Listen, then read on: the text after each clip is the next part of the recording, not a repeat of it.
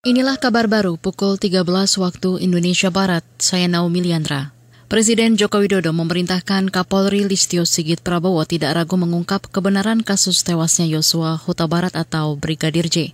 Itu disampaikan Jokowi merespons rencana Kapolri yang akan mengumumkan tersangka baru sore nanti. Iya sejak awal kan saya sampaikan, sejak awal saya sampaikan, usut tuntas, jangan ragu-ragu, jangan ada yang ditutup-tutupi, ungkap kebenaran apa adanya, ungkap kebenaran apa adanya. Sehingga jangan sampai menurunkan kepercayaan masyarakat terhadap Polri. Itu yang paling penting. Terhadap Polri apa pun tetap harus kita jaga. Itu tadi Presiden Joko Widodo. Kapolri Listio Sigit rencananya akan mengumumkan tersangka baru kasus tewasnya Brigadir J pukul 4 sore ini.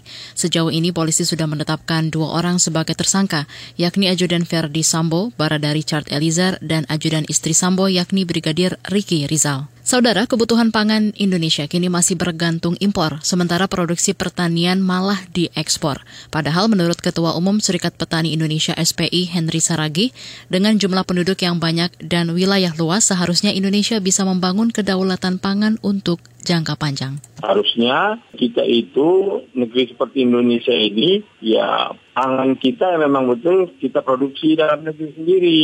Padi, jagung, kacang kedelai, ya semuanya yang kita butuhkan itu harusnya kita penuhi dalam negeri kita dan kita juga tidak mesti tergantung kepada tanaman ekspor seperti kebun kelapa sawit ini nggak perlu sampai dibuka sampai eh, demikian banyaknya. Ketua Umum SPI Henry Saragi menyebut luas lahan pertanian yang digunakan menanam kebutuhan pangan tak sebanding dengan luas perkebunan sawit, yakni 7,5 hektar untuk menanam padi, jagung, dan kedelai. Sedangkan lahan pertanian sawit mencapai 16 juta hektar. Dia mendorong penguasaan pertanian dikembalikan kepada rakyat bukan untuk perusahaan besar. Indonesia terpilih menjadi ketua Komite ASEAN di Beijing ACB. Indonesia mendapatkan giliran menjadi ketua untuk periode enam bulan ke depan. Dikutip dari antara penetapan ketua ACB dilangsungkan melalui upacara peringatan 55 tahun berdirinya ASEAN di halaman Kedutaan Besar RI di Beijing, China kemarin.